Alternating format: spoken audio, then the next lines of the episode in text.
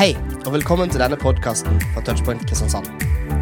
Denne talen er spilt inn på et av våre møter, som er hver torsdag klokka halv åtte. Skal vi gi en varm applaus til David og gjengen? Kom opp! Du vet sånn, Alle sånne forkynnere og preachere som meg, vi sier alltid liksom, 'Gi en varm applaus til lovsangsbandet'. Men egentlig er det bare for at vi skal få applaus selv når vi kommer opp på scenen. Så la oss gi en varm applaus til lovsangsbandet! Tusen hjertelig takk. Takk, jeg tar det til meg. Så herre, da. Fint går det bra med dere? Gøy. Nydelig. Um, eh, det, det, er jo veldig veldig stas å være her. Og jeg har jo vært her litt før. Jeg har liksom bodd et år i Kristiansand. Jeg gikk på Touchpoint. Så jeg er litt sånn nysgjerrig nå på Er det noen fra Ansgar bibelskole her? Ait, nydelig, god stemning. Er det noen som har gått på Ansgar bibelskole her? Hele sulamitten. Så gøy, da. Jeg gikk også på Ansgar bibelskole, faktisk. I 2003, var det det, kanskje? Um, det, nei da, tulla. Jeg gjorde ikke det. Det var litt senere. Det, det ser ut som at jeg ikke burde gå der på en stund. på en måte. Altså, Jeg jobber på en, på en skole i Bergen, og, og, og, de er sånn Hvorfor prøver du å kle deg som du er 13 år? på en måte, Eivind? Fordi jeg har lyst til å være det, og jeg er det i hodet. Altså, det, det, det er sannheten. Og jeg, jeg kjenner jo liksom, liksom på mm, hvert fall, Når jeg sitter i en sal da, sånn som, nå, eh, som dere gjør nå, så føler jeg ofte at folk som meg går opp på scenen så er det bare sånn Jeg har lyst til å, å dele et budskap med dere. Men så sitter jeg bare og tenker sånn jeg aner jo ikke hvem du er. liksom. Jeg kjenner noen av men mange har jeg liksom aldri sett meg før. Og så syns jeg det er litt sånn rart å bare skulle høre på en eller annen fyr eller dame snakke, og så har jeg ikke peiling på hvem det er. Så jeg tenkte vi kunne bli litt kjent. Er det greit? Ja, Ikke stemning for det, men jeg er i hvert fall gira på det, så da gjør vi det. Gøy. Um, så jeg har med et bilde av familien min, uh, i hvert fall deler av den. Og, og det syns jeg er liksom et greit sted å starte der med opphavet. Ja, jeg har sett. Som dere ser, så, så jeg er vel øverst i midten der, tror jeg. Uh, det har jo, og nå skal jeg passe meg her, men det har jo, eh, Konferansen som er i morgen, har jo eh, faktisk fått litt avisoppslag. Fordi det, det har vært en viss kritikk over at det er eh, mange menn der. Men til Randesunds forsvar så velger de jo veldig feminine menn til å komme. Altså for real. Hei! Altså når du først liksom, det, er, det er ikke liksom manndommen av manndommen. det er, eh, jeg, jeg, jeg, er eh, metroseksuell, vil jeg si. Jo, Hvis ikke dere vet hva det betyr, så kan dere søke det opp etterpå. Jeg er en femi. Det her er hvorfor. True story. I forrige uke så skulle jeg kjøpe noe klær, så jeg gikk på Hennes og Maurits gutteavdeling. Fant ikke det jeg ville ha. Og så gikk jeg på jenteavdelingen, så fant jeg det jeg ville ha. Jo, for real, altså Undertøysavdelingen på jentene er mye bedre. It's so much better. Så så det er jo herlig. Nei, nei, Jeg var faktisk der. Det var, det var kjempenice. De, de, hadde mer av det jeg ville ha. Og så er det klart at Når du ser det bildet der, så skjønner du at jeg har jo vokst opp med en, en ganske eh, feminin gjeng. Så det har liksom gått utover meg òg. Jeg husker eh, til jul så kom det til et punkt hvor jeg liksom eh, Min, min øverste liksom liste, holdt jeg på å si, mitt øverste ønske på ønskelista var å få en Barbie til jul. Fordi de jentene der skulle alltid leke med Barbie. Og jeg kunne enten leke med actionfigurer alene. Eller jeg kunne leke med Barbie sammen med jentene. Og jeg valgte sistnevnte, og jeg er veldig stolt av det. Har den fortsatt i Bergen og syns det er en fin følgesvenn. Nice! Da er vi litt kjent, er vi ikke det? Jeg føler ofte så, sånn, sånn forkynnere sier vi må bli litt kjent først, så er det liksom for at man, dere skal synes det er lettere å høre på meg. Men jeg føler ofte når jeg introduserer meg selv, så har folk mindre lyst til å høre på meg etterpå. For de tenker bare han er helt syk. Så det er jo noe så, da. Men vi, vi, jeg liker en utfordring. Jeg skal ikke snakke mer om min familie, men jeg skal snakke om en annen familie. Sikkert ingen som har sett dem før, eh, men dette her er to halvkjente søstre. i hvert fall. Charlie og Dixie D'Amelio. For uh, rundt to år siden, 2019, så var dette her to helt normale jenter fra staten Connecticut. De var ikke litt kjent i det hele tatt. Lo dere av måten jeg sa Connecticut på? var det? Ja, jeg vet det, dette er dårlig Connecticut. Men jeg, jeg, prøver i hvert fall ikke på sånn altså det, det, det, må jeg si, dere som og nå tråkker jeg på i salaten her, men dere som snakker engelsk og går veldig som British I'm so good in English. Jeg skjønner ikke greia. Jeg går bare for really Norwegian English. Yes, I am Ivan. I'm, altså, jeg prøver ikke. Så Connecticut er altså disse jentene fra. Um, og, men, men, i 2019 så var de helt ukjente. Og så spoler du ett år fram. Og så hadde jo de tjent rundt 60-70 millioner kroner. Det er ganske crazy. Tenk om du fra i dag og et år fram skulle tjent så mye penger. Og så er det gjerne litt eldre folk som hører dette og tenker det er så ufortjent. Hvordan kan de tjene så mye penger bare på å danse litt foran en skjerm? Og så tenker jeg du må se på tallene. For bare Charlie alene har jeg, jeg har jo studert dette her. Hun har fått over 20 milliarder visninger alene på ett år. Nå er det sikkert mangedobla. 20 milliarder visninger. Hør på det, da. Det er sykt mange mennesker som har sett den jenta der på en skjerm. Og når de kommersielle aktørene hører det her, så tenker de her er det muligheter. Disse jentene har enormt mye av vår oppmerksomhet. Så de tenker her kan vi tjene litt penger. Og Steve Jobs, som dere kanskje har hørt om, han forutså dette for lenge siden. For han sa at de kommersielle aktørene som tjener mest penger framover, det er de som klarer og evner å holde oppmerksomheten til flest, mest og best folk på én gang. De som er best på å fange oppmerksomheten vår, oftest og best, det er de som kommer til å tjene mest mulig penger. Og TikTok, YouTube, Instagram og de personene som lykkes på disse plattformene, det er de som tjener pengene. Men produkter de selger, er ikke alle klar over. For Charlie selger ikke bare Duncan Donuts-hettegensere. Liksom. Det er ikke det hun har tjent the big bucks på. Produktet som Charlie og Dixie DeMillo selger, det er deg. Du er produktet som de selger. Og hver gang jeg sier det til ungdommer, så er de sånn What? Livet mitt er en løgn. Jo, men det er faktisk deg og din oppmerksomhet som de selger. Og nå tenker du kanskje wow, skal Eivind liksom begynne med en sånn boikott av TikTok? Og ja, det er det jeg tenker. Alle sammen kan ta på mobilene sine. Let's, qu let's quit it! Det hadde vært noe. Nei, altså, Jeg syns egentlig TikTok er en kul greie. Jeg vurderte å begynne med det selv. Cringe! Men, men jeg skal ikke gjøre det. Men poenget mitt er egentlig dette, og det er ganske enkelt. Det er at din oppmerksomhet er meget verdifull. Veldig verdifull. De kommersielle aktørene har satt en dyr prislapp på den. Men jeg lurer på hvorfor du selger den så sabla billig. For la oss være ærlige. Hvordan vet du at vi selger oppmerksomheten vår litt billig? Det er hvis du ikke gir den bevisst til noe, men den bare blir tatt fra deg. Det er sikkert ikke skjedd med dere, men det hender at jeg kan ta opp mobilen, og så begynner jeg å scrolle, og så plutselig har det gått to timer. Sånn. Uh, ok.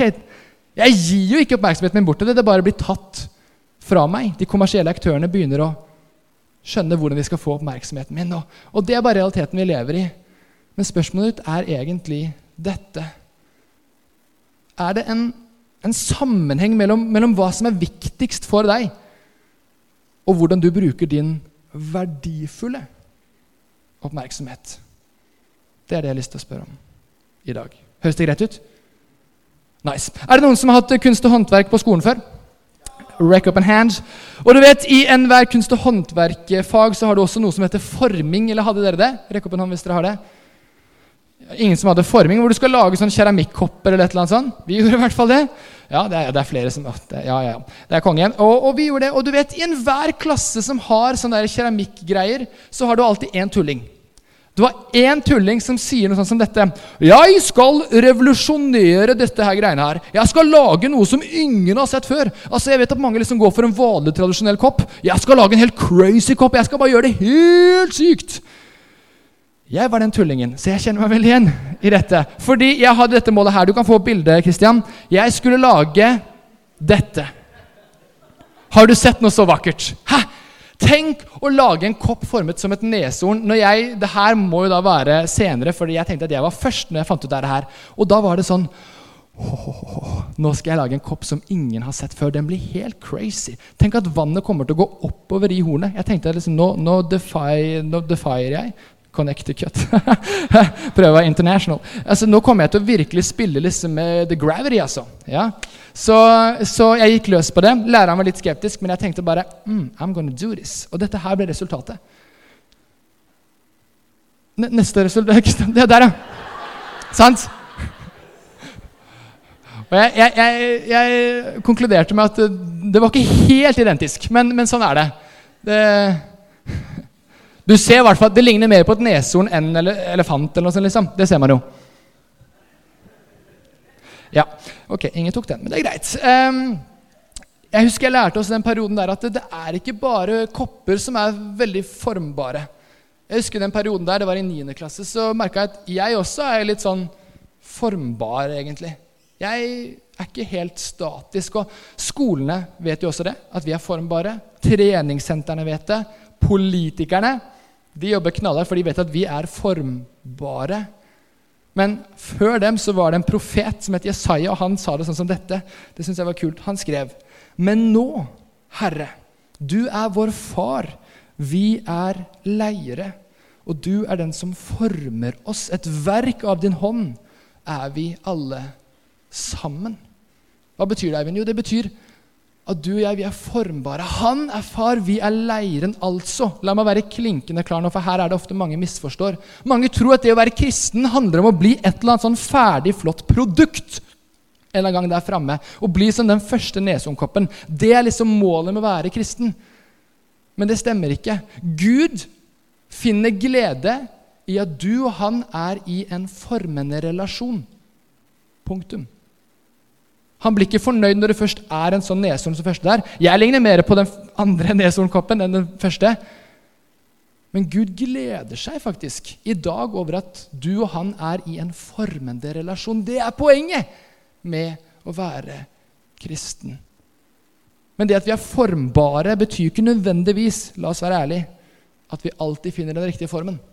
Det går ikke alltid i riktig retning. Men når vi stiller oss selv spørsmålet er det en sammenheng mellom hva som er viktigst for meg, og hva jeg bruker min oppmerksomhet på? Da er vi på selve springbrettet av å ta litt sånn eierskap over denne formingen.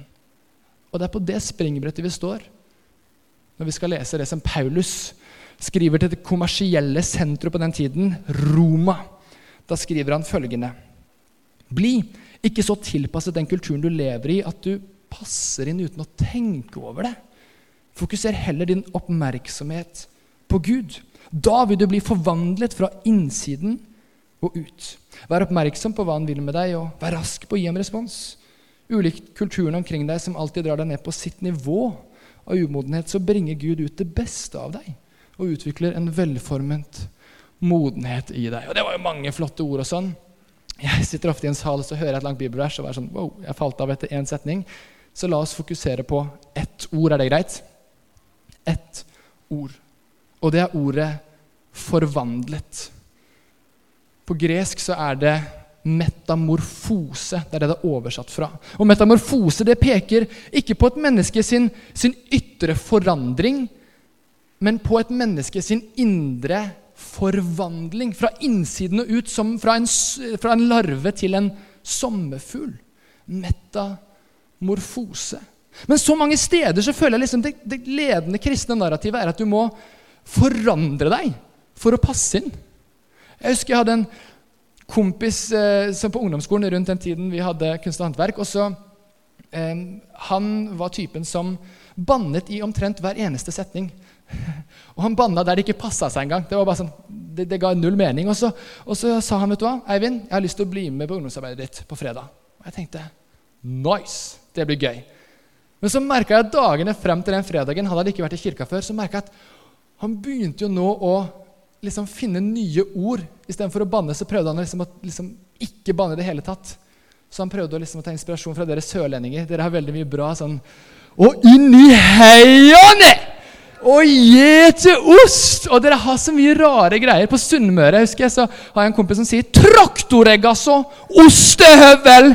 Altså det er kreativt, da. Det er jo kult. Og så jeg merka den kompisen her, han begynte å gjøre det, og jeg tenkte det er jo litt funny. Men så tenkte jeg over det, så tenkte jeg her er det noe riv ruskende galt. Du føler at du må forandre deg for å passe inn nå på fredag. Så tenkte jeg nei, nei, nei. Det er ikke det det handler om.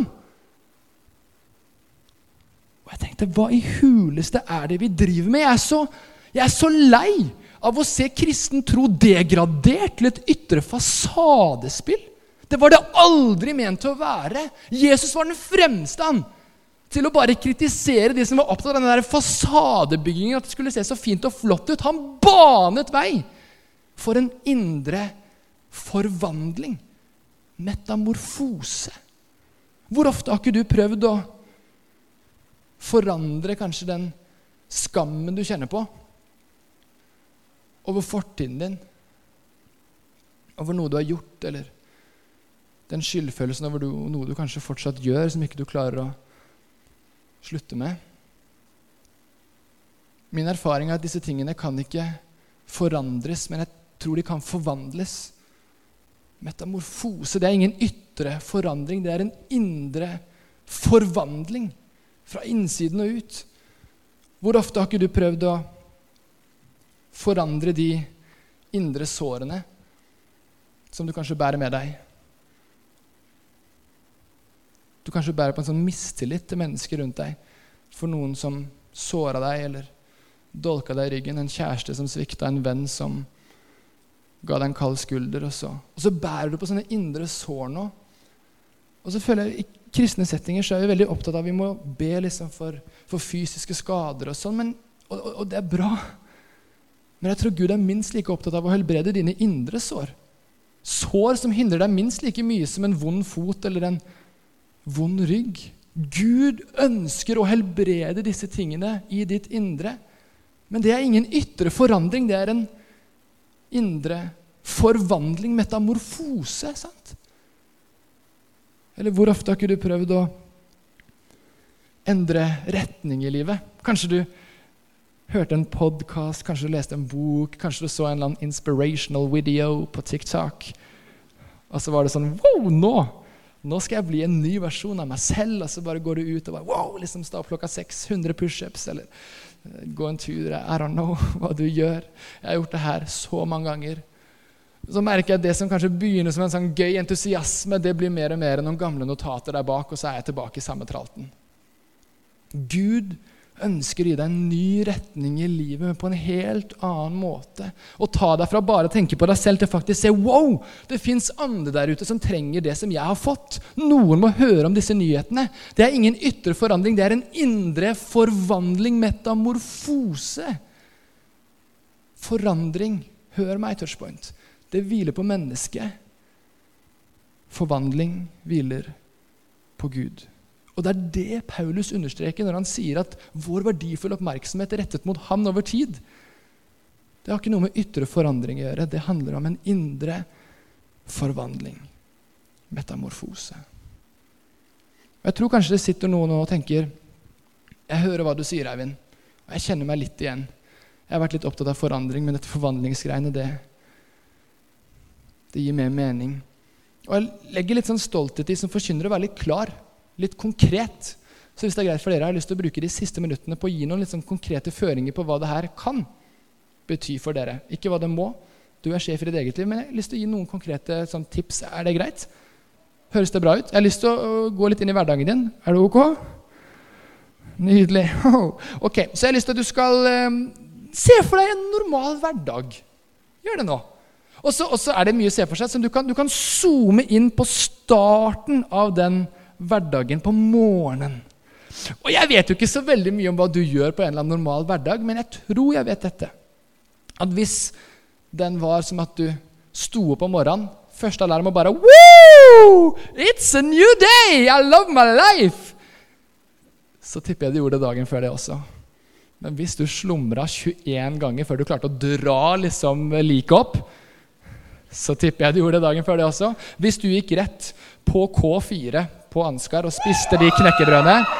Ja. Så regner jeg med at du gjorde det dagen før det også. Hvis du gikk rett fra rommet, ingen frokost, rett inn i timen til Odinga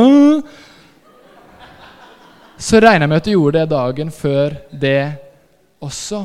Hvis du gikk rett i dusjen og dusja der til liksom alle hadde begynt, og du kom for seint hver eneste gang, og du ble, liksom, du ble nesten sånn brent på kroppen av hvor varm dusjen er, så tipper jeg du gjorde det dagen før det også. Eivind, hva er poenget ditt? Det er at veldig mye av det du gjør i løpet av en dag, det er jo ikke et resultat av så fryktelig bevisste valg. Er det vel? Det er ting som bare går på repeat. Og forskerne har sett på det her, og de har sett at det er omtrent 40% av hva du gjør i løpet av en dag, er sånne handlinger som bare går på repeat. Men ikke bare det. De har også funnet ut at 40% der de setter tonen for opp mot 70, 80, 90% av hva du gjør i løpet av en dag. Hvordan kan det ha seg? La meg gi et eksempel. Jeg har ikke mobilen her nå, men, men, jeg har en greie. Og det er sikkert bare meg. Men idet jeg på en måte setter meg ned på bussen i Bergen, eller setter meg ned på et toalett, så kommer alltid mobilen opp. hver bidige gang. For hvis du sitter på en buss og ikke har mobilen oppe, da er du psykopat. I Bergen så får du mange rare blikk. da. Du må, altså, du må jo stirre inn i mobilen. sant? Hver eneste gang jeg setter meg ned på bussen eller på toalettet, så går mobilen opp sånn. Og hva jeg gjør på mobilen, det kan være mer eller mindre bevisste valg. Går jeg på banken, går jeg på Insta, går jeg på TikTok? I don't know. Men det er den lille ubevisste vanen av å ta opp mobilen som er min 40% og den setter tonen for at jeg ikke ser på andre folk på bussen. for å si det sånn. Den lille der setter tonen for så mye mer. Og jeg har ikke lyst til å gå sånn amerikansk selvhjelps-vibes nå. Hvor det er sånn Bare stå opp tidlig klokka seks, liksom. Les Bibelen halvannen time, og så er du i gang, liksom. sant? Jeg skal ikke gå der. Men jeg, jeg har lyst til å dele en siste historie med dere. Jeg tror kanskje den historien som har betydd mest for meg, en av de i hvert fall, som vi kan finne i Bibelen, som jeg syns sier så mye om det jeg akkurat har snakket om. Og Den finner vi i Gamle testamentet. Det er om en fyr som heter Daniel. Daniel han var en av 120 toppledere i landet.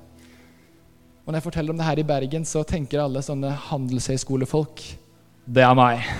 Jeg er topplederen. og jeg bare Yes, you do you. Ok? Og ikke bare det, men Daniel han, det står at han, han utmerket seg framfor de andre 120 topplederne. Og hver eneste NHH-student tenker det er også meg. Jeg er den ene. I'm the chosen one. Det er veldig gøy. Han utmerket seg, og du vet, hver gang du stiger i suksess, så vil du alltid ha folk som ikke er så fan av deg. Såkalte haters. Og for Daniel sitt vedkommende så var det ganske konkret 119 mennesker som ikke var så fan av at han nå steg i suksess. Og de kom opp med en plan. De fikk kongen til å vedta i det landet at hvis noen under noen omstendigheter ba til en annen konge eller gud enn den kongen selv, så skulle det være en dødsdom over den handlingen. Og Daniels respons på det lovforslaget viser hvorfor han utmerket seg i første omgang. Det står følgende Så snart Daniel fikk vite at skrivet var satt opp, så gikk han hjem. I takkammeret hadde han åpne vinduer som vendte mot Jerusalem. Tre ganger om dagen falt han ned på kne for sin Gud med bønn og lovprisning. For slik hadde han alltid gjort. For slik hadde han alltid gjort. En udiskutabel 40 Ikke én, ikke to, men tre ganger går han ned på kne for sin Gud og ber om hjelp om håp, om trøst, om inspirasjon, om, om perspektiv. Og mer enn noen gang nå så var det helt nødvendig at han gikk ned på kne for sin Gud. Selv om det var en dødsdom over den handlingen her, så gjorde han det likevel. For det var så mye mer enn en kristen vane. Det var så mye mer enn sånn kristen flinkhetssyndrom som man kunne sjekke av i YouVersion-appen. Det var så mye mer enn det. En liten del av Daniels verdifulle oppmerksomhet hadde blitt en så stor del av han. En liten del av Daniels verdifulle oppmerksomhet hadde blitt en stor grunn til at han var den han var.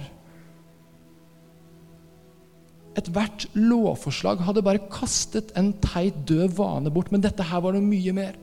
Dette var ingen ytre forandring, det var en indre forandring forvandling, metamorfose. Og det var den indre forvandlingen som gjorde noe helt spesielt. Daniel hadde noe urokkelig som ikke hvilte på ham. Det hvilte på ham.